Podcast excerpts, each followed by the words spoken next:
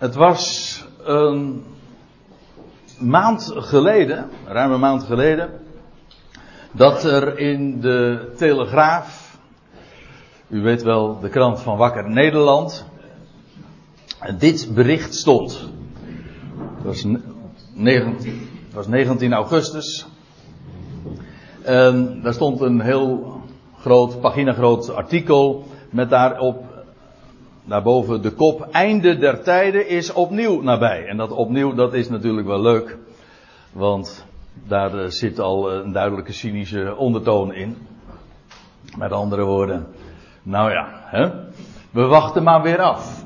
Maar in dat bericht stond uh, dit te lezen. En ik weet niet hoe het u vergaan is, maar mij is de laatste maanden in het bijzonder het bepaald niet ontgaan, want ik ben er vele malen in mails op, uh, op gewezen.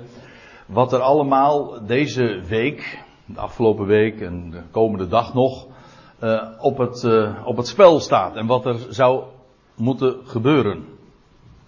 Val ik nu weg? Hm? In elk geval, nou nee, het gaat wel goed geloof ik.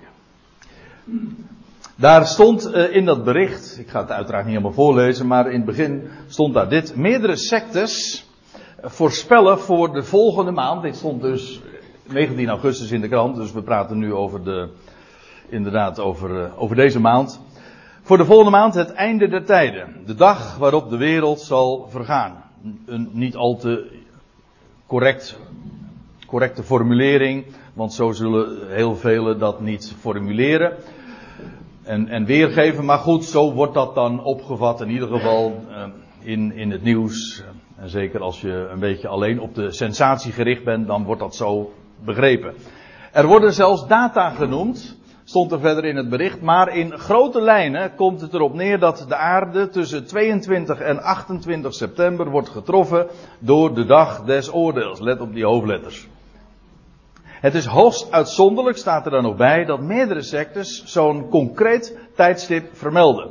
En mij is inderdaad gebleken dat niet alleen maar sectes, christelijke sectes met name, maar ook seculiere, uh, dus meer in, uh, op de, gewoon op de wereldse filosofie georiënteerde groeperingen, uh, eveneens op deze tijd wijzen. En dat heeft een speciale reden, want afgelopen 23 augustus, wanneer, uh, 23 september, dat was afgelopen woensdag zeker? Klopt dat? Ja. Uh, toen was het Yom Kippur, verzondag, het grote verzondag meestal genoemd. En ja, dat was de tiende van de zevende maand uh, in het Joodse jaar. En vijf dagen later begint dan Sukkot, zo heet dat in het Hebreeuws, maar het is onder ons beter bekend als het Loofhuttenfeest. Dat begint dus vanavond. U weet, Joodse data die beginnen altijd vanaf zonsondergang te rekenen. Dus vanavond, dan begint, is het de 15e Tishri, zo heet die maand, de 15e van de zevende maand, en dan begint Sukkot. En ja, met die dagen is iets bijzonders aan de hand, iets heel bijzonders. En zoals gezegd, het uh, is nogal uh, nieuws ook, want vanavond, vannacht, ik was dus in de war toen ik vannacht uit het raam keek. Maar, want toen was er nog niks bijzonders te zien. Ja, behalve een prachtige volle maan, want het was nog heldere hemel ook. Dat schijnt trouwens aankomende nacht niet helemaal het geval te zijn. Het wordt wat mistig. Dus helaas, de verduistering is niet te zien. Of ik moet eigenlijk zeggen, het is dus allemaal een beetje verduisterd, dus dan zie je toch. Hm? Ja, het is een beetje ingewikkeld, maar laat maar.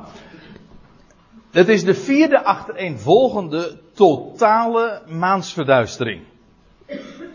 En dat wordt wel genoemd een bloedmaan. Waarom? Omdat die maan dan een, een ja, dat, wat, wat de verklaring daarvoor is, dat is nu even niet zo interessant. Maar hij krijgt dan in ieder geval een, een bloedrode glans.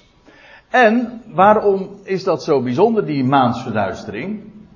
Omdat het samenvalt met eerdere totale maansverduisteringen. Dus niet een gedeeltelijke maansverduistering, maar een totale maansverduistering. Men noemt dat dan ook als het vier keer op rij is een tetrade. Dat is een, in de astronomie echt een begrip. Dat is erg uitzonderlijk. Vier totale maansverduisteringen. En dat het bijzondere is dat dat in al die vier keren dat dat nu plaatsvond, die achtereenvolgende keren, dat was dit jaar, twee, uh, twee keer vorig jaar en twee keer dit jaar. En in alle vier de keren viel het samen met Joodse hoogtijden. Namelijk met Pesach in 2014. Dus dat was vorig jaar, zeg maar, ons paasfeest, niet helemaal wat ik nu zeg. Maar in elk geval met het Joodse Pesach. Ik moet er ook bij zeggen. Uh, uh, ja, hoe zeg ik dat nou eventjes kort? Uh, een Joodse maand, dat geldt trouwens ook voor islamitische maanden, dat zijn echt maanden. En dat wil zeggen maancycli. Onze maanden niet. Een nieuwe maand op de Joodse, op de Bijbelse kalender is altijd per definitie nieuwe maan. Dat betekent dus dat je zo'n hele cyclus, zo'n hele cyclus van de maan, dat uh, is, dat valt dan dus ook samen met zo'n met een maand. Dus dat betekent ook dat halverwege de maand het altijd op de Hebreeuwse kalender of de islamitische kalender is het altijd volle maan. Dat kan niet anders. Dus de vijftiende van de maand is altijd volle maan. Maar ik zal u vertellen, Pesach, maar dat geldt voor Sukkot ook, dus Joodse paasfeest, het Joodse Loofhuttenfeest, dat begint op de vijftiende van de maand. Dat is dus altijd volle maan, dat kan niet missen. Maar goed, ik zei al, het uh, viel samen vorig jaar met Pesach. Toen was het een totale maansverduistering. Vorig jaar met Sukkot ook een totale maansverduistering. En afgelopen Pesach, dat was dus ergens in maart, april. Gaat een beetje vreemd met het geluid. Ik hoor het zelf en u hoort het wellicht ook. Maar goed, ik ga, ik ga gewoon maar door. Er gebeurt verder niks bijzonders en u kunt mij nog redelijk verstaan, ook daarachterin hoop ik. En dat was dus in, met Pesach uh, het geval dit jaar. En nu dus opnieuw. En dit is de vierde keer. En dat is heel, heel uitzonderlijk. Het gebeurt wel eens vaker, maar dat is wel zeer uitzonderlijk. En ja, waarom is dat nou zo bijzonder?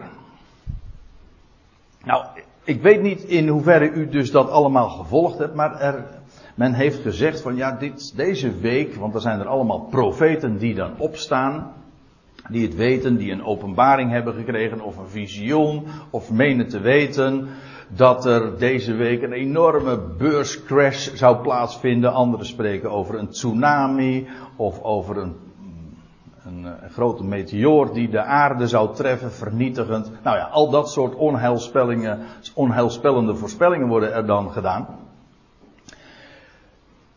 Tot dusver zijn we er redelijk doorheen gekomen. Hè? Inmiddels de 27e, dat zeg ik spottend en daar heb ik reden voor, maar daarover straks dus meer.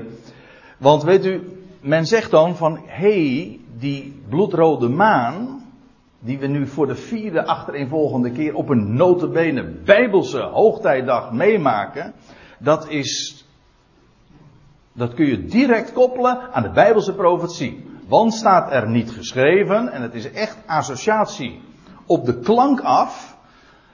En mensen die verder van toeten nog blazen weten, die, die worden daar heel gemakkelijk in meegenomen. Er staat inderdaad geschreven, de zon dit wordt in Handelingen 2, vers 22 door Petrus op de Pinksterdag aangehaald. De zon zal veranderen in duisternis. En staat er dan, en de maan in bloed. Dat wil zeggen, daar hebben we het dus over. Die bloedmaan, die totale maansverduistering. Waardoor die maan dus uh, een, een bloedrode kleur krijgt. Voordat, en wat is, dat is de, de koppeling die maan die verandert in bloed, wel, dat zal gebeuren voordat de grote en doorluchtige dag des Heren komt.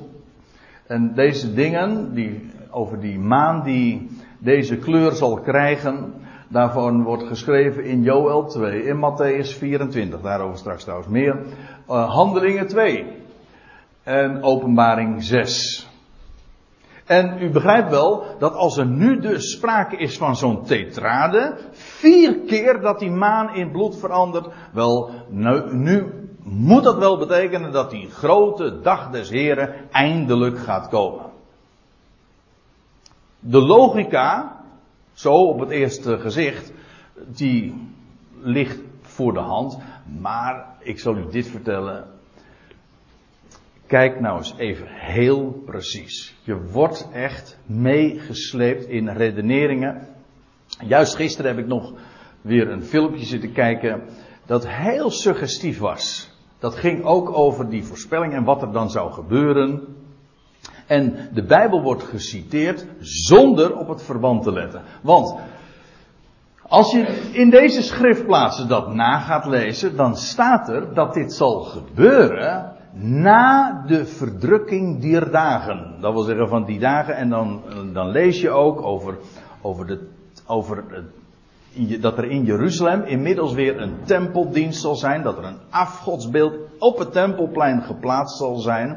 Er zal een enorme verdrukking komen in het Joodse land en men moet maken dat men wegkomt. En dan aan het einde van die verdrukking, en dan verwijst de Heer Jezus ook nog naar de profeet Daniel. Hij zegt, wie leest, die geven er acht op.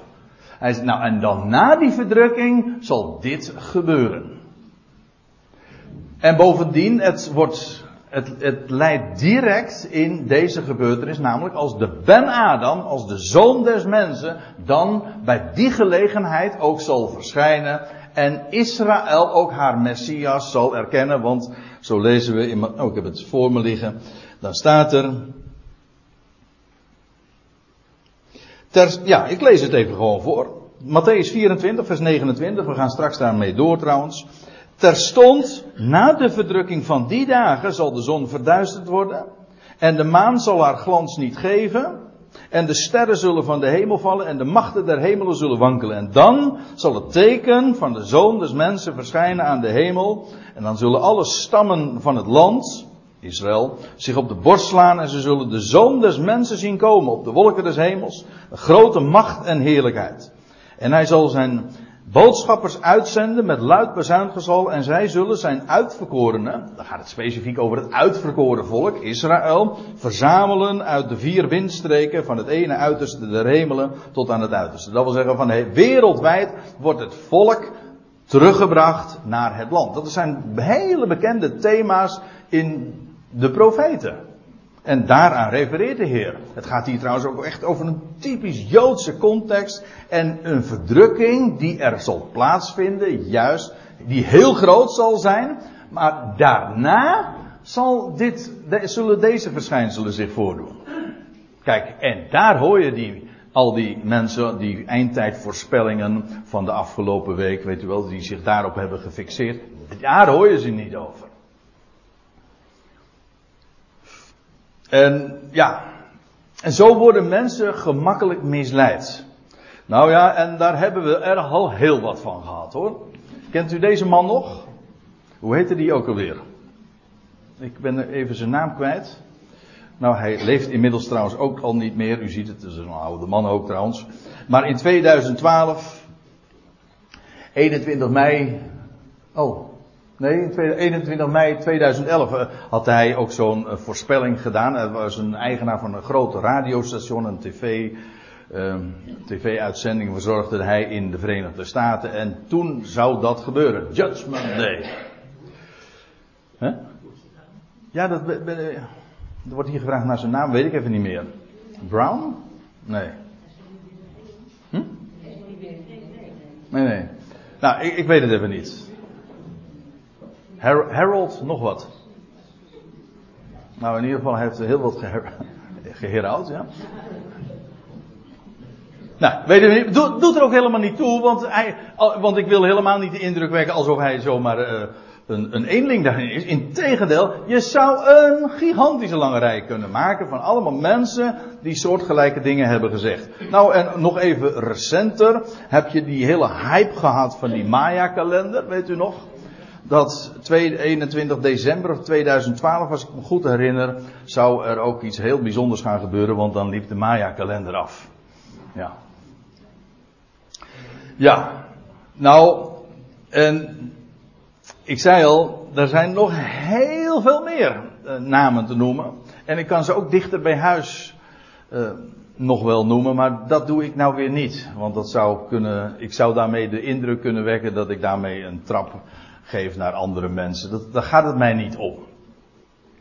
Maar zulke voorspellingen zijn er gedaan. Ik ken, ik ken ze ook uit mijn eigen uh, historie, maar al te goed. Ik hoef alleen maar een datum, een jaartal te noemen, 1996, 2003, en daarvoor al 1994. Nou, er, ik, kan, ik, ik, kan voor mezelf al een heel lijstje geven van dingen waar, waar ik toen de tijd ook al erg op gelet heb. En ja, weet u wat het grote probleem daarmee is? Want je zou zeggen van ja, dat zijn geweldige dingen dat mensen daarop wijzen van het is nabij, weet je wel. Dus er wordt weer aandacht gevraagd voor de dingen van het profetisch woord. Op het eerste gezicht zou je dat zeggen dat dat het effect is, mensen worden wakker gemaakt. Maar dat is wel heel kortzichtig als je alleen dat voordeel ziet, want ik zie vooral het nadeel. Namelijk de grote frustratie die plaatsvindt wanneer het alles niet vervuld wordt wat zij hebben gezegd. En weet u wat je dan krijgt?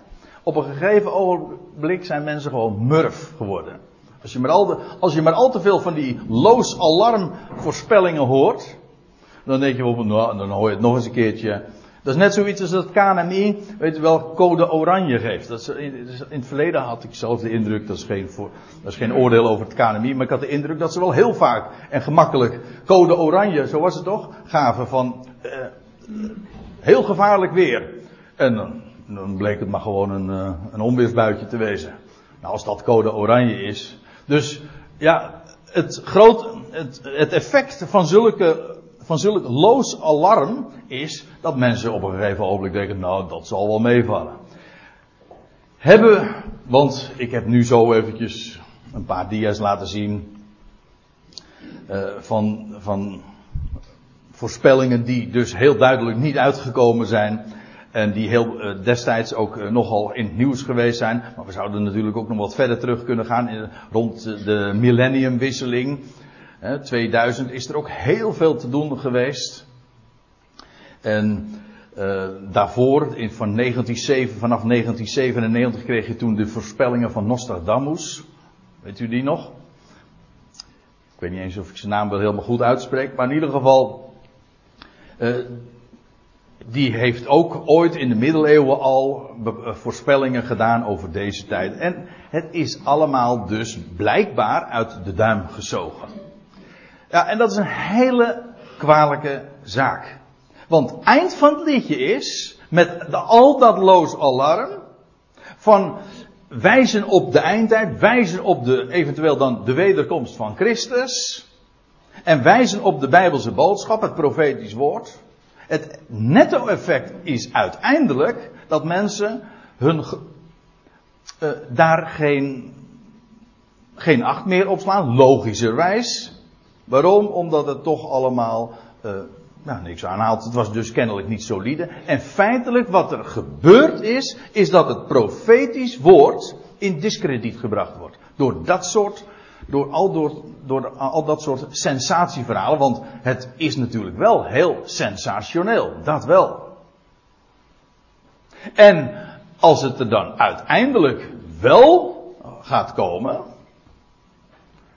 En je wijst er dan op dan zegt iedereen, dan plaatst iedereen je op voorhand al in het lijstje van al die, van al die fantasten die gewoon allemaal misgecalculeerd hebben. Ziet u hoe je uiteindelijk met al dat soort alarmmeldingen feitelijk het, de schrift en het profetisch woord in het bijzonder in discrediet brengt. Ik wil u, juist vanwege die actualiteit van de afgelopen week, op nog iets anders wijzen. En dat is een heel wijdverbreid misverstand en ik ken hem al. En het heeft eigenlijk, dat komt weer eigenlijk uit een andere koker en toch feitelijk weer niet. Want zoveel halen inderdaad inmiddels de schouders op. Over dat soort meldingen. Want ik wil bepaald niet de indruk wekken dat, uh, dat zoveel mensen hier nou meteen oor voor hebben. Een bepaalde categorie wel, maar velen ook niet. De meesten die plaatsen het, net zoals de Telegraaf, nu is dat een volstrekt niet-christelijke krant, maar ook mensen die zeg maar godsdienstig zijn of in de christelijke wereld zich bevinden. De meesten die denken van, nou, het kan nog wel duizend jaar duren. Dat is trouwens ook een hele bekende hoor. Maar goed, uh, men zegt dan, je kunt niet weten wanneer Christus terugkomt, want, zegt men dan, dat zal zijn als een dief in de nacht. Ik heb hem al zo vaak gehoord. U ook? Kent u hem? Hij zal komen als een dief in de nacht. En dus, doe nou maar geen moeite om, om de, bezig te zijn met de schrift, om te achterhalen wanneer het zal zijn, want hij komt als een dief in de nacht. Dat heeft hij toch zelf gezegd. En het is bovendien, uh, en dat is weer zoiets, het is, het is weer een citaat op de klank af. Als je echt je ermee bezig zou, zou je weten, dit klopt niet zoals men het citeert en zoals men het toepast. Maar ja, dat heb je. Men, men is wel zwaar uh, in voor, voor, voor die hapklare brokken, maar om werkelijk zelf te checken in de schrift of het zo is, dat is een heel andere, dat is een heel andere koek. Gebaseerd, het is gebaseerd op Bijbelse citaten uit Matthäus 24 vind je dat. Over als een dief in de nacht. Kom daar straks op terug. Lucas 12 vind je het. 1 Thessalonica 5, daar wil ik straks ook op wijzen. 2 Petrus 3, openbaring 3, openbaring 16. Al, in al deze schriftplaatsen wordt gesproken over die komst in als een dief in de nacht. En slechts twee schriftplaatsen in dit geval, deze morgen wil ik eruit uitpakken, omdat anders het eh, een beetje te veel zou worden. Maar ik wil u daarbij erop wijzen dat als je dit op deze wijze citeert, van je kunt het niet weten, want de Heer heeft zelf gezegd, of in de Bijbel staat geschreven, hij komt als een dief in de nacht. Dat is op de klank afgeciteerd, maar het is contra de bedoeling van dat wat er staat geschreven. En het staat er ook inderdaad niet zo, want het punt is nu juist dat in al deze schriftplaatsen, zoek het maar op, nou, vooral in deze, eh, met uitzondering misschien van Lucas 12, waar het niet zozeer wordt toegelicht, maar al deze andere schriftplaatsen wordt er juist op gewezen dat mensen waakzaam zouden zijn. En dat je wel zou weten. En dat onderscheid maakt men niet. Hij komt als een dief in de nacht, ja voor wie? Dat is de grote vraag. Goed, Laten we eerst eens gaan naar de beroemde reden, de, de beroemde bergreden van de Heer in Matthäus 24. Want immers, hij sprak deze reden uit over de laatste dingen. En dat sprak hij uit op een berg, de Olijfberg, die aan de oostkant van de stad Jeruzalem ligt. En ze kijken dan uit op de, op de stad en op de geweldige gebouwen van de tempel. En de Heer wijst er al op wat daarmee zou gebeuren. En vervolgens komt er de vraag van, ja, dat einde van de aion en het teken van de zoon des mensen. Wanneer zal dat dan zijn? En de Heer gaat daar uitgebreid in dat, in deze reden, die we in dit hoofdstuk dus vinden, op in.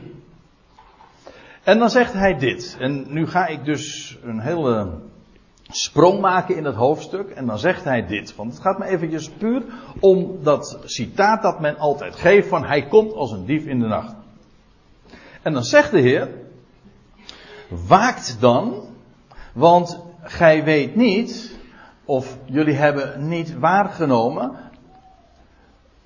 Zo staat het er. Gij weet niet. Er staat dus er staat niet, uh, jullie kunnen niet weten.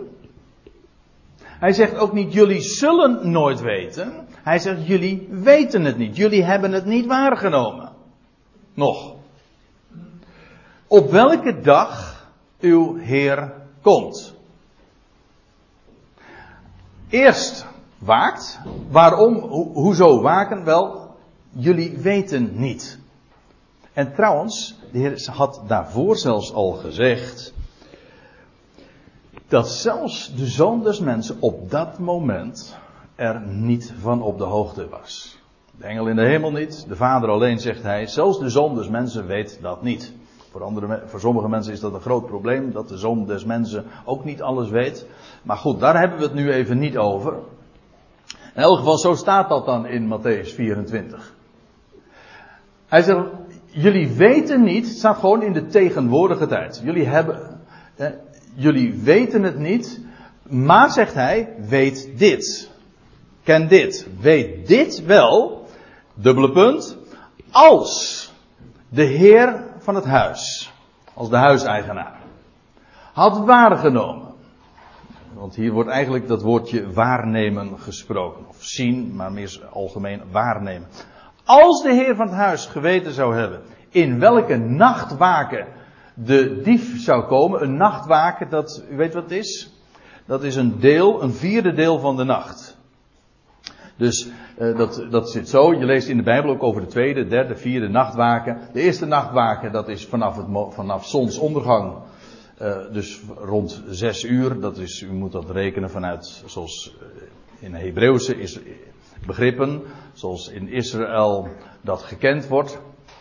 Vanaf zes uur s'nachts, oh, nou ja, vanaf zes uur s'avonds tot aan 9 uur. Dat is de eerste nachtwaken. Dan krijg je de tweede nachtwaken van 9 uur s'avonds tot tot 12 uur in de nacht. De derde nacht waken. Nou, het is makkelijk zo uh, de lijn door te trekken. Weer een vierde nacht van de nacht uh, verder. Dat is dus het diepst van de nacht van 12 tot 3. En dan de laatste nachtwaken, de vierde nachtwaken. Dat is dan het laatste deel van 3 uur tot 6 uur. Dat is de vierde nachtwaken. Daar wordt nog eens een keer op gewezen. En dat is waar de Heer het hier ook over heeft. Als de Heer van het huis geweten zou hebben in welke nachtwaken de dief zou komen, dan, dan zou hij gewaakt hebben. En in zijn huis niet hebben laten inbreken. Met andere woorden, hier, is hier wordt gesproken over een, over een heer, over een huiseigenaar, die laat inbreken. Maar waarom? Nou, omdat hij niet waakt. En waarom waakt hij niet? Omdat hij niet weet, geen idee heeft, wanneer die dief zou komen, in welke nachtwaken dat zou zijn. Met andere woorden, hij, hij, waakt dus niet omdat hij onwetend is over die nachtwaken. En dan zegt de Heer, daarom, en helaas, ik heb het maar meteen doorgekrast, er staat niet, wees ook gij bereid, wees ook jullie bereid. Er staat, wordt wordt gereed, wordt bereid. Met andere woorden, het, het, het gaat hier over een situatie. Men is niet bereid, maar men zou het Men is onwetend, maar men zou wetend worden. En over die dingen spreekt de, de Heer, want hij zegt er dan nog, voegt er aan toe, want op een uur dat gij het niet verwacht, dat was ook hier weer tegenwoordige tijd, ook jullie niet toeschijnt, jullie weten het nu nog niet, wel, dan zal de zoon des mensen komen. Maar als het zover is, weet dan zouden jullie weten, zodat jullie ook kunnen waken. Want het hele punt van deze gelijkenis is juist, die, die Heer, die waakt niet omdat hij onwetend is. Zou die wetend zijn, dan zou die gewaakt hebben. Nou, het gaat erom, waakt. Met andere woorden, je moet zorgen dat je het weet. En als de Heer deze dingen naar voren brengt, en ik kies natuurlijk maar één kleine deel uit deze passage, uit deze reden van uh, Matthäus 24, dan zinspeelt de Heer op zoveel profetieën, maar met name ook, hij wijst daar expliciet nog op, op het boek Daniel. Dus wie het leest, geven er acht op. En ik wil met u daar graag even mee, uh, of u, ik wil u graag daar even mee naartoe nemen. En dan vooral het slot van dat boek, Daniel 12. Daniel kent 12 hoofdstukken. En dan ja, daar staan geweldige dingen. Wat Daniel allemaal is bekendgemaakt en wat Daniel in zijn leven ook heeft meegemaakt. En de voorzeggingen die hij heeft mogen doen, dat is geweldig. Dat is van Gods wegen.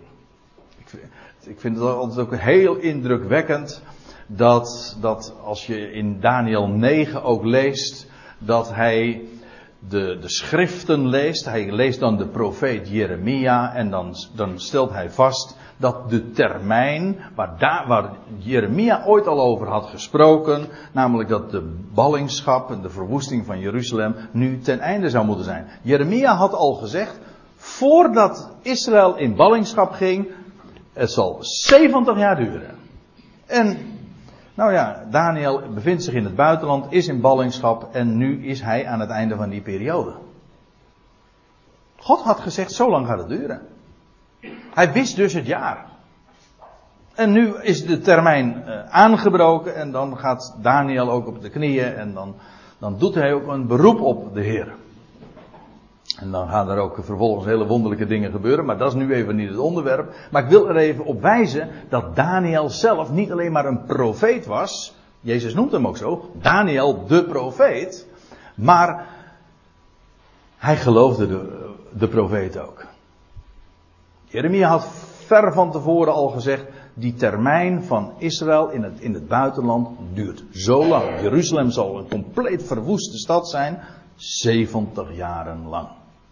Wel, dan kun je dus gewoon, een, dat is een kwestie van de kalender bijhouden. Wees, Daniel wist, nu is het zover. De 70 jaren zijn voorbij. Met andere woorden, Israël gaat weer terugkeren. Want God heeft dat beloofd. Dat zijn schitterende dingen. Daniel geloofde dat. Daniel was er zelf mee bezig. Nou. En dan lees je in Daniel 12. Dat hij een heleboel uh, gehoord heeft. En dan zegt hij, en ik spring in in vers 8. Ik nu hoorde het wel, maar begreep het niet. En ik zeide, degene die hem begeleidt en die godspraken allemaal gaf. Uh, mijn Heer, waarop zullen deze dingen uitlopen? Als ik me niet vergis, zegt een andere vertaling, wat, wat letterlijker. Ik had het even bij moeten nemen, maar uh, in welke tijd gaat dit gebeuren? Hij Daniel onderzocht dat zelf. Nou, en dan krijgt hij deze reactie.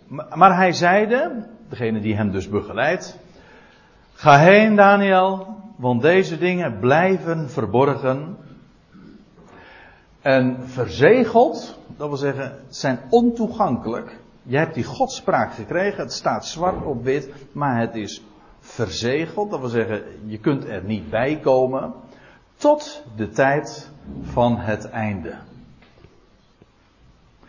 En ik lees verder. En velen zullen zich laten reinigen, zuiveren en louteren. Als u trouwens even terugbladert dan in dat Daniel 11, dan gaat het over de velen onder het volk. Namelijk het volk van Israël. Dat is de context. Velen zullen zich laten reinigen en zuiveren en louteren. Maar de goddelozen, degenen die dus geen rekening houden met God, zijn woord, die zullen goddeloos handelen. En geen van de goddelozen zal het verstaan. Dat zal ze compleet uh, ontgaan en ze zullen het niet begrijpen. Maar staat er, de verstandigen, de intelligenten, in het Hebreeuws staat hier de mashkilim. Kent u dat woord? Ja, ik heb een goede vriend die daar een boek over heeft geschreven. Onder die titel ook, de mashkilim. Dat gaat ook over, uh, het is een roman naar aanleiding ook van, van dit begrip. De mashkilim, de, de verstandigen onder het volk, specifiek daarover gaat het. Maar de verstandigen zullen het verstaan. Met, met andere woorden, men krijgt inzicht. Het is verzegeld tot de tijd van het einde. Maar als het eenmaal zover is, dan zal de kennis toenemen. Trouwens, dat stond, dat stond nog in uh, het voorgaande. Ik, ik heb dat nu niet op de dia staan. Nou, ik wil het toch even bij hebben.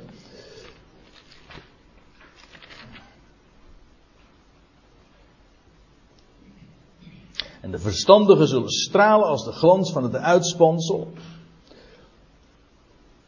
Ja, maar gij Daniel houdt de woorden, vers 4. En dan lees ik het toch eventjes voor, want dat had er eigenlijk nog eventjes op de dia bij gemoeten.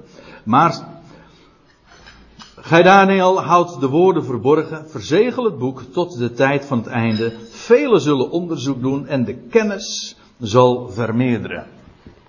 En dat gaat dan inderdaad over de kennis van deze dingen, van de toekomende zaken, die aanvankelijk tot de bestemde tijd verborgen zijn, maar als het zover is, dan wordt het ontdekt. Dan wordt het geopend, wordt er opening van zaken gegeven en de verstandigen, die zullen het verstaan. Daniel zelf was zo'n masculin, hoorde bij de masculin, zo'n verstandig. Iemand die acht geeft op wat er staat geschreven. Die zich niet liet leiden door de opinies in de wereld, ook niet door de sensaties. Want uiteindelijk is dat net zo, dat klinkt vroom, maar dat is net zo werelds. Dan geef je namelijk ook niet acht op wat er staat, maar alleen maar op, op sensatie. En sensatie die als resultaat heeft, ik herhaal, in discrediet brengen van de schrift. En dat is het ergste wat een mens kan doen. Als God gesproken heeft, zou je luisteren. Wat hij, wat hij te melden heeft, dat is van belang. De rest, ach, wat mensen zeggen, wat. En ook sensatie, ook vrome sensatie is vrome sensatie. En gaat, is gewoon net zo werelds. Ook al heeft het een godsdienstig sausje. Maar het is eigenlijk nog veel kwalijker dan, dan, dan wat de Telegraaf, als ik het over zo mag zeggen, uh, erover beweert. Want ja, goh, daar hoef je dat soort dingen toch ook niet uh, te van te verwachten. Maar juist als mensen met beroep op God en zeker met verwijzing naar de, naar de profetie uh, daar valse dingen over zeggen, ja, dat is een buitengewoon kwalijke zaak. Maar staat er dan, de verstandigen zullen het begrijpen. En staat erbij, en dat blijkt dan ook, en van de tijd af dat het dagelijks offer wordt gestaakt, komt de tijd er weer op het tempelplein een offerdienst zal zijn. Ja, ja, kun je nu nog, uh, nou ja, wat heet, moeilijk voorstellen. Uh, men, uh, er zijn grote plannen hoor. Je zou eens een keertje je daarin moeten verdiepen. Maar die, dat hele, die, dat hele, die tempel die er moet gaan komen, die het Joodse volk zo graag wil hebben, dat, alles is al in kan en kruid. Volledig zelfs. De hele, de hele tempel ligt al helemaal klaar. Wachten is eigenlijk op het moment dat hij daar ook daadwerkelijk neergezet kan worden. U begrijpt, dat, is, dat zou natuurlijk een happening zijn van, van de grootste orde als dat daar op het tempelplein, daar in het hol van de leeuw, daar in, de, in die islamitische wereld, notabene in het centrum van de, van, van de moslimwereld, dat daar nou een Joods heiligdom zou komen, pal naast, of misschien ter vervanging van, dat is nog een ander verhaal, naast, naast die islamitische heiligdommen. Dat, dat, maar in ieder geval, de plannen zijn er. Dat, want één ding voelt iedereen wel aan. Het, en dat zie je dus ook elders. Niet alleen in de wereld ziet men wel van ja, de, de dingen spitsen zich toe. Dit kan niet al te lang meer doorgaan. Je, in, in de christelijke wereld gevoelt men dat. Maar ook in de, in de moslimwereld weet men ook dat dat er aan de gang is. Daar, daar heeft men net zo goed die eindtijdverwachting. En daarom gelooft men ook dat de staat Israël vernietigd moet worden, want dat is missie nummer 1. Juist in verband met hun eindtijdvisie ook. Het is allemaal. Ik kan me voorstellen dat als u dit zo aanhoort, dat u zegt: Ik vind het complex, André. Zegt, maar het is zo complex. En sommige mensen krijgen het ervan. Daarom is het zo van belang om te georiënteerd te zijn op wat er staat geschreven. Maar goed, ik zei al, er, wordt dus, er, er, zal weer een tijd komen dat er op het tempelplein een dagelijks offer wordt gebracht. Of dat een complete herbouw ook van de tempel zal zijn, dat is een andere vraag. Maar in ieder geval, er zal weer een Joodse offerdienst zijn. En die zal bij gelegenheid gestaakt worden. Men zal de offerdienst staken. En in plaats daarvan wordt een gruwel opgericht. Dat staat er. En van de tijd dat het dagelijks offer wordt gestaakt. En een gruwel, iets gruwelijks, een, meestal een afgodsbeeld, wordt opgericht. En die verwoesting brengt. Dat heeft ook te maken met die verdrukking die dat dan vervolgens met zich mee zal brengen. Een grote verdrukking. De Heer zegt al dat zo is het er nog nooit in de wereld geweest en het zal er ook nooit meer zijn. Dus dat is een verschrikkelijke tijd. En vanaf dat moment staat er, dat zijn het 1290 dagen. 1290 dagen dus. Er wordt ook nog gesproken over 1260 dagen. Maar het gaat, om het uh, nog ingewikkelder te maken, welzalig of gelukkig hij die blijft verwachte en 1335 dagen bereikt. 1335 dus. Ziet u trouwens wat hier gebeurt? Er komt dus een moment dat de dagelijkse offerdienst op het tempelplein, die nu nog steeds moet beginnen, zal worden gestaakt. In plaats daarvan zal een afgodsbeeld, een gruwel worden opgericht. Maar vanaf dit moment is het een kwestie van aftellen. Dan weet men van nou nog 1290 dagen. En nog verder geteld 1335 dagen. Wat er dan gebeurt, dat is, er zit nog weer 75 dagen tussen. Het onderwerp is nu even niet wat er dan gebeurt bij die 1290, bij die 1260 of bij die 1335 dagen. Dat is nu even niet het onderwerp. Het gaat me er even om dat vanaf dit moment dat de masculine, de verstandige, degene die acht geven op het profetisch woord, het, we praten dus even over nog een Joodse context. Degene die dat dan zien, die weten, aha, nu is het aftellen begonnen. En elke dag, het is eentje, het is nu nog maar 1289 dagen. En de volgende nog maar 1288 dagen. Aftellen. Men weet dan de dag. Daarvoor nog niet. Maar dan, vanaf dan weet men het. Dan kan men dus ook waken. Ziet u hoe zo'n tekst gewoon uit zijn samenhang, uit zijn context wordt gelicht. En daarmee een betekenis wordt gegeven die precies tegenovergestelde is van wat de Heer nu juist aangaf. Hij, als hij zegt waakt, dan bedoelt hij daarmee geef acht op wat er staat geschreven, want dan weet je hoe laat het is. Dan weet je hoe laat het is. Maar op de, pas op de bestemde tijd Kijk, zolang die woorden verzegeld zijn, weten, is men onwetend. Wat verborgen gehouden. Tegen Daniel, begreep het ook niet. Hij zegt, dan maak je niet druk, het komt. TCT zal het duidelijk worden. Maar gij wordt tegen, dat is het laatste woord in het boek Daniel trouwens, maar jij, wordt er dan tegen Daniel gezegd, ga het einde tegen, dat wil zeggen, ga het einde tegemoet. En je zult rusten. Dat wil zeggen, jij zal ontslapen. En inmiddels, Daniel, is ligt al vele eeuwen, eh, duizenden jaren al in het stof. Maar staat er, en je zult opstaan eh, tot uw bestemming aan het einde der dagen. Het, het einde der dagen betekent niet gewoon dat alle dagen ophouden. Nee, het einde der dagen van welke dagen? Ja, van die 1335 dagen. Want dan vindt namelijk. Papa. Wie spreekt er nou?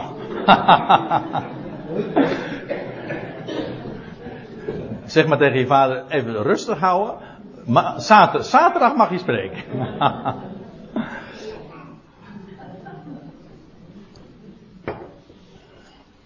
nee, precies, dat is het. En dan dan, en je zult opstaan en uw bestemming aan het einde van die dagen, namelijk die 1335 dagen, dan zal Daniel opstaan. Dan vindt die opstanding van de rechtvaardige plaats. Nou, ik, ik zeg nu meer dan dat ik zo even allemaal kan toelichten. Maar ik hoop u in één ding in ieder geval duidelijk daarmee te hebben gemaakt. Dat is dat woorden verzegeld worden.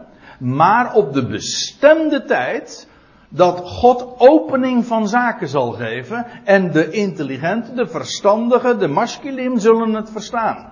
En die weten ook, aha, nu is dat offer, dat wordt die dagelijkse offerdienst gestaakt en nu is het een kwestie van zoveel dagen nog, zoals Daniel daarover gesproken heeft. En dan, dan kunnen ze ook waken, dan weten ze ook. Degene die daar totaal geen acht op geven, dacht, die, die, weet u wat die zeggen? Van ach, het is al zo vaak en zoveel voorspeld. En allemaal hebben ze het misgehad. Kijk, en zo zie je dat je gewoon helemaal met een kluitje in het riet gestuurd wordt. Met al, dat, met al die sensatieverhalen. En dan gaan we naar 1 Thessalonica 5. Want ook daar spreekt Paulus, ook Paulus, zo moet ik het zeggen, ook Paulus spreekt over die, die metafoor van een dief in de nacht. En die is boeiend. En ik denk met name ook voor ons zo van belang. Want je zou natuurlijk kunnen verdedigen dat wat er staat geschreven in Matthäus, als de Heer dat zo zegt tegen die discipelen, ja, dat is in een compleet Joodse context. Hij spreekt tegen, oh, tegen Joodse mensen. Is een, een, volledig Israëlitisch gebeuren. En dat gaat over degenen die in Judea zijn en dat in Jeruzalem zullen zien. Maar goed, wij hebben te maken met het woord van de apostel, van de natieën. Hoe, hoe zit dat nou met ons? Nou, in 1 Thessalonica 5 spreekt Paulus daar ook over. Dan moet ik eerst eventjes iets zeggen over het voorgaande, direct voorafgaande, want dan spreekt hij ook al over de parousia van Christus. En ja, dat is naar aanleiding van mensen die al in die Ecclesia, daar in Thessalonica, het huidige Saloniki, ontslapen waren. En in Thessalonica was er verwarring ontstaan van, wat missen die straks nou de boot? Nee, zegt uh, Paulus dan. Want zij die in Christus ontslapen zijn, die zullen, die zullen zeker uh, de boot niet missen. Integendeel, zij zullen samen met de levenden die achterblijven tot de parousia van Christus. Uh, dat gaan meemaken, die parousia, die verwachting, de verwachting van zijn aanwezigheid, dat hij zal komen in heerlijkheid. En staat er dan, en ik geef nu eventjes een korte samenvatting van dat gedeelte, dus het zijn maar vijf, zes versen die daarover spreken, maar het is wel geweldig. En hij zegt dan ook dat de bazuin zal klinken, hij spreekt ook over de aartsengel, die zal roepen, Daniel spreekt daar trouwens ook over. Michael. Maar goed, de bazuin die zal dan klinken en de ontslapen gelovigen die zullen eerst opstaan. Ja, dat is de verwachting. En dat niet alleen, daarna zullen de levenden samen met hen de Heer tegemoet gaan in de lucht.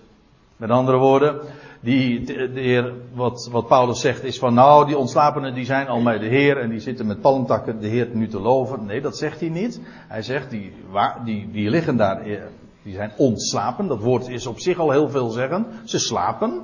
Precies ongeveer hetzelfde als wat u vannacht ook gedaan hebt. Hoop ik tenminste. Ja. Slapen, je ben je dan van niks bewust. Maar alles is gericht op die opstanding, dat ontwaken. En wel, dan zullen we, zij als die bazuin zal klinken en vervolgens klinkt er nog een bazuinstoot, dat is de laatste bazuin, en dan zullen de levenden worden veranderd. Ja, je moet compleet getransformeerd worden om in hele nieuwe condities te verkeren. Daarna zullen de levenden samen met hen de Heer tegemoet gaan in de lucht. En Paulus gebruikt daarvoor een heel uh, bijzonder woord, weggerukt worden weg, ik geloof dat de MBG-vertaling zegt weggevoerd worden. Maar dat is me nog een beetje te, te slap. Weggerukt. Dat is eh, voor een heel plotseling gevaar. Dat woord wordt gebruikt. Exact hetzelfde woord gebruikt ook uh, Johannes in het boek De Openbaring over die mannelijke zoon. Ik, ik hoop tenminste dat u nu kan volgen wat ik zeg. Maar in ieder geval, dan wordt er gesproken over een vrouw die een mannelijke zoon baart en die wordt weggerukt tot God en zijn troon. En vervolgens vlucht die vrouw naar de woestijn om daar 1260 dagen bewaard en gevoed te worden en te schuilen in de woestijn ergens. Ergens daar in de woestijn, ja. Datzelfde woord gebruikt hij dan. Weggerukt worden. Hè, voor een plotseling gevaar. En alzo, zegt Paulus, zo sluit hij dan dat gedeelte in 1 Thessalonica 4 af. En alzo zullen we altijd met de Heer zijn. Dat is natuurlijk het geweldige perspectief. Dus hij heeft daar al heel veel over gemeld. En dan, maar nu pakken we de draad op in 1 Thessalonica 5 in verband met ons onderwerp. U weet wel, die dief als een dief in de nacht. Maar zegt Paulus dan over de tijden en gelegenheden, broeders. Wanneer dat er zal zijn en bij welke gelegenheid, wat er dan allemaal zal plaatsvinden. Uh, broeders, is het niet nodig, is er, hebben jullie geen behoefte om daarover aangeschreven te worden? Waarom niet? Wel, het antwoord is, ze waren daarvan op de hoogte. Want, zegt hij, vers 2, immers, jullie weten zelf zeer goed. Jullie weten, uh, op nauwkeurige wijze hebben jullie al waargenomen dat de dag van de Heer, dat is een term die in ieder geval duidt op het feit dat de Heer openbaar wordt, is in wezen niet eens in de eerste plaats een tijdstip, maar het is een gelegenheid. De Heer wordt openbaar. Ja, voor wie?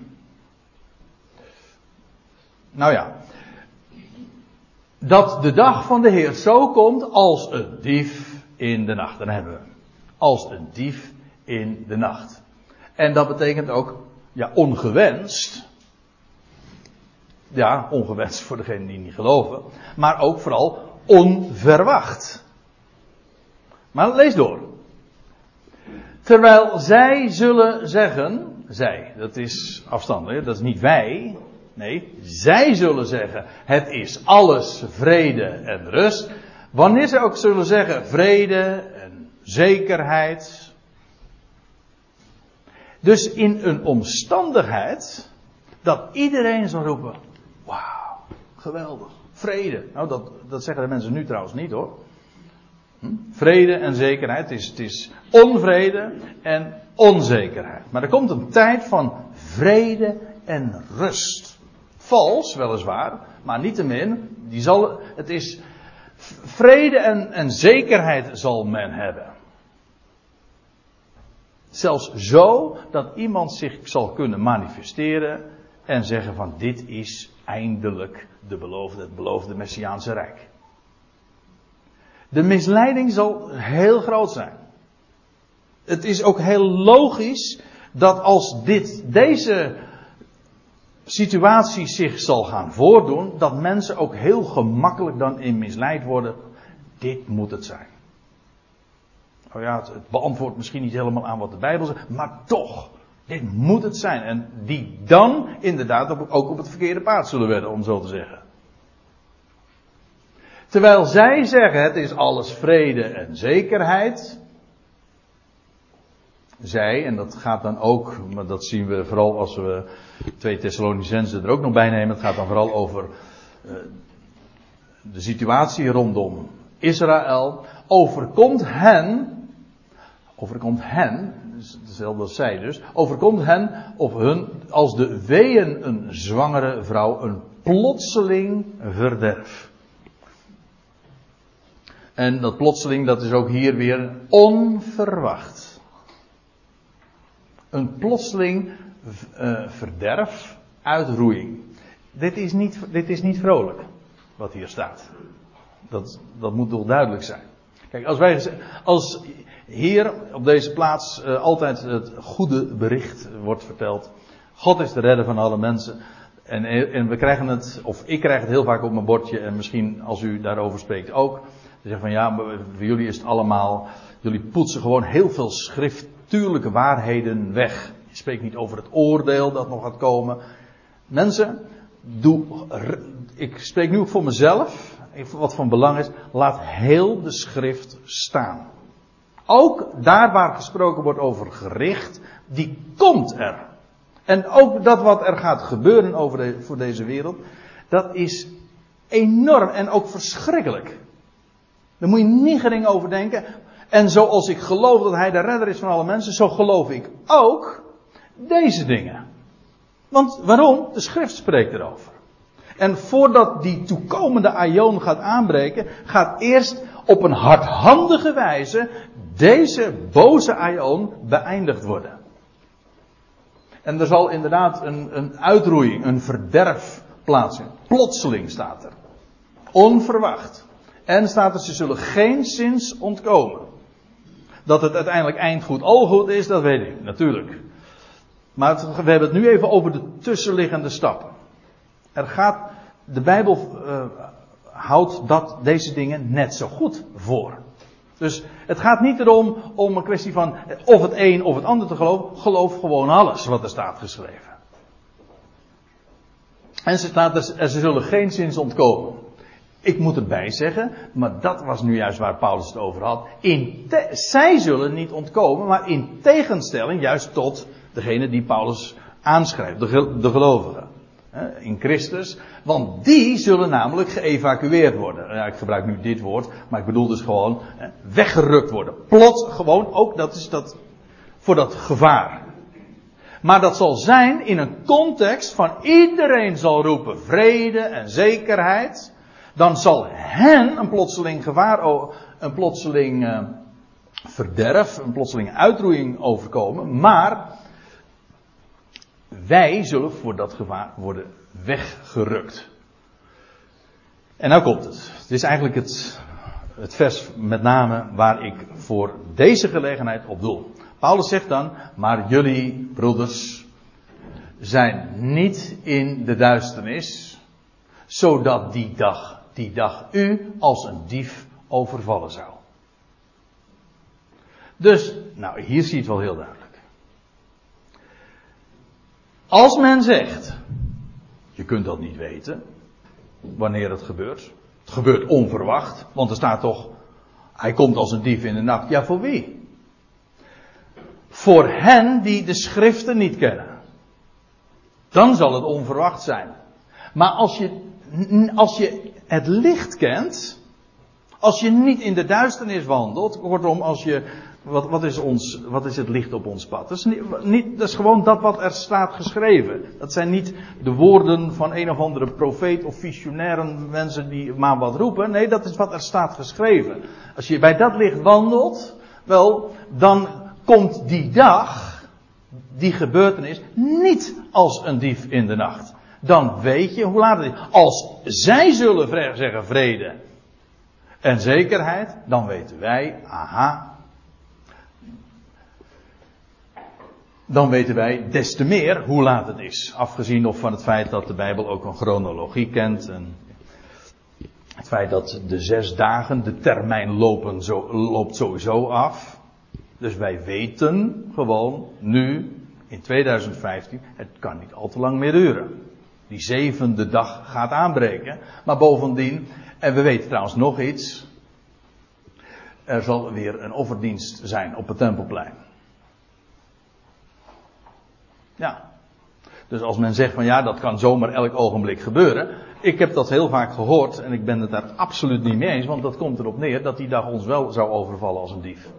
Dat betekent dus, dat kan elk moment gebeuren. Zo vanavond of morgen. Je weet het niet. Nee, het zal ons niet overvallen. Juist wanneer men dat allemaal zal zeggen, als die situatie zich dan zal voordoen, in een situatie van vrede en zekerheid, zal hen een plotseling gevaar, maar wij, die geloven, worden weggerukt. Zo, zo, mag ik het althans verstaan vanuit de schrift en ik geef het u door. En ik zeg erbij, dit, ik, ben, ik, pretendeer en ik geen, maar ik presenteer me ook niet als een profeet. Ik geef door wat ik heb gezien in de schrift en, dat, en het is aan u om het te checken. Dat zeg ik er eventjes bij. Dus check het, of het waar is wat ik zeg.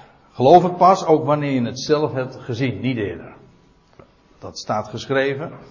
Uh, maar neem me niet kwalijk dat ik dat uh, zo dan doorgeef vanuit uh, zoals ik dat versta. Maar ik, ik geef de bonnetjes erbij en het is aan u om dat dus te controleren. Nou, ik zeg dat misschien ten overvloede, maar ik vind het van belang om niet door wie ook je iets op de mouw te laten spelden. Het gaat om het licht. Paulus zegt ook, want jullie zijn alle, want jullie zijn alle kinderen van het licht. Ja, degene die geloven, degene die hem kennen, diegene die bij, bij wie het woord is binnengekomen. Dan ben je toch een kind van het licht? Dan wandel je toch bij het licht? En kinderen van de dag. En we behoren niet aan de nacht of de duisternis toe. En ik moet zeggen, ik vind dat een godsgeschenk om bij de dag te leven. Ja, ik bedoel nu even eh, in een andere zin dan dat het meestal zo gebezigd wordt. Eh, om bij de dag te leven, bij het licht te leven. Weten waar je vandaan komt, weten waar je naartoe gaat. En ja, en mensen zullen dan zeggen van nou ja, die vinden dat misschien hoogmoedig als je dat allemaal zo, als je zoveel zekerheid hebt. Ja, maar mensen, die zekerheid kunnen wij hebben. Wij, wij weten, zegt Paulus. Waarom? Wel, we zijn kinderen van het licht. En die dag zou ons niet overvallen als een dief. We weten hoe laat het is. Wij worden geacht ook te weten hoe laat het is. Er tenminste van uitgaande dat we inderdaad ook wandelen en dat we waken. Laten we, dat is precies ook wat Paulus dan zegt. Laten we dan ook niet slapen, want ja, dan weet je nog niks natuurlijk.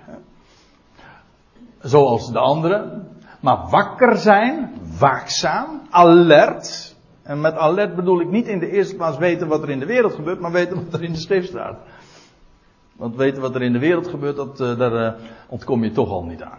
Dat komt sowieso wel op je af. Nee, het gaat erom wat je, wat, weet wat er staat geschreven. Wakker zijn. En ook nuchter. Je niet door hypes laten meevoeren. Of door die slappe citaten die iedereen weet, zogenaamd.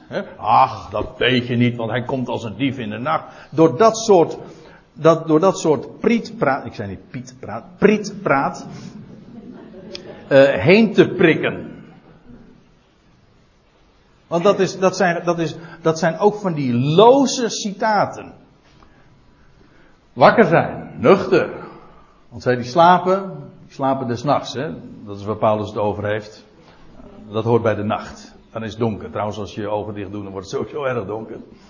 En die zich bedrinken, zijn doorgaans dus ook des nachts dronken. Dat, dat dronken en niet nuchter zijn, dat hoort bij de nacht. Wij zijn, horen bij het licht, bij de dag. We zijn daarom nuchter. En waakzaam. Dat is de hele simpele vergelijking die Paulus maakt. Laten wij die de dag toebehoren nuchter zijn. Gewoon bezonnen. Je niet niks op de mouw te laten spelden. Dat ging trouwens in Thessalonica ook al op. Hè, dat er mensen die, die voorspellingen deden. Maar laten we nuchter zijn. Toegerust. Aangetrokken hebben dat borstharnas van geloof en liefde. Geloof, dat is hier natuurlijk in de eerste plaats, ja, uiteraard vertrouwen in wat God gesproken heeft. Dat wat er staat geschreven, zwart op wit. En van liefde. Want ja, als je de grote God kent, dan weet je dat dat alles, ook zulke diepe wegen die hij gaat, ook de verschrikkingen die er gaan gebeuren. Ik wil er niets van afdoen, totaal niet. Maar ik wil het wel in de grote context plaatsen van Gods liefde, die alles uitwerkt, namelijk om alles bij zich te brengen. Dat is zijn liefde.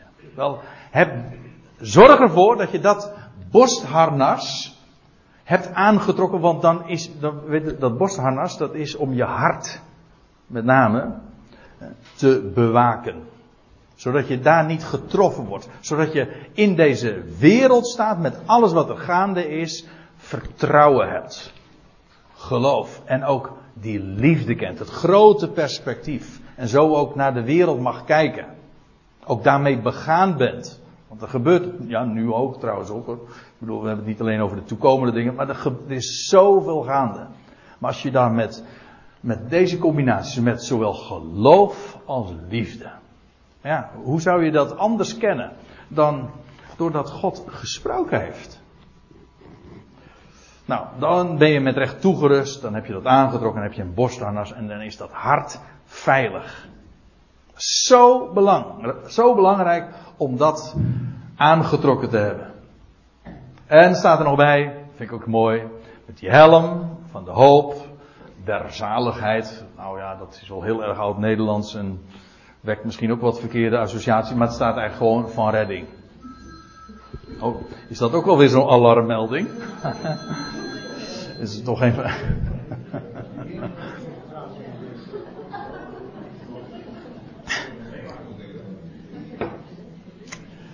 Adrie die meldde mij van de week, even tussendoor. Adrie meldde mij, zegt, André weet je dat we trouwens ja, natu ja natuurlijk.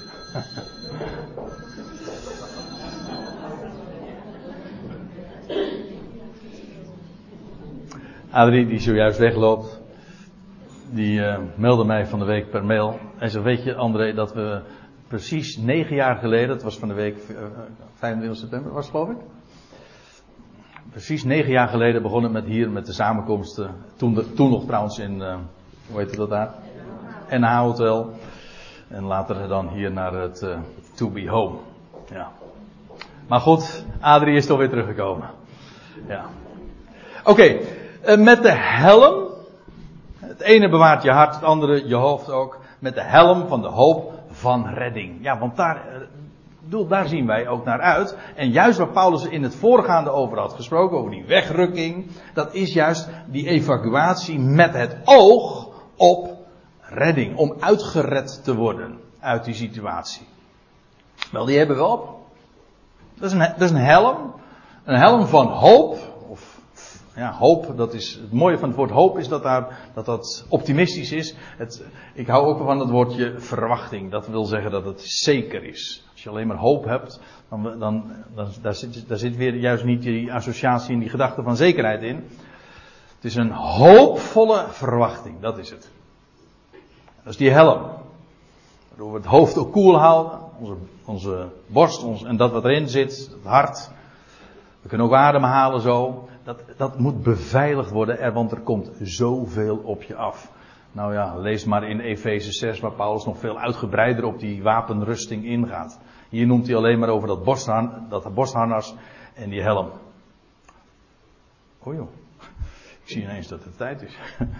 um, want God, dat, nou sluit ik dus echt af. Want God heeft ons niet gesteld tot toren. Die straks ook over deze wereld zal losbarsten. Trouwens ook de toren van de slang die geworpen zal worden op de aarde. Want God heeft ons niet gesteld tot toren, maar tot het verkrijgen van redding. Tot verwerving van redding door onze Heer, door de Heer van ons, namelijk Jezus Christus.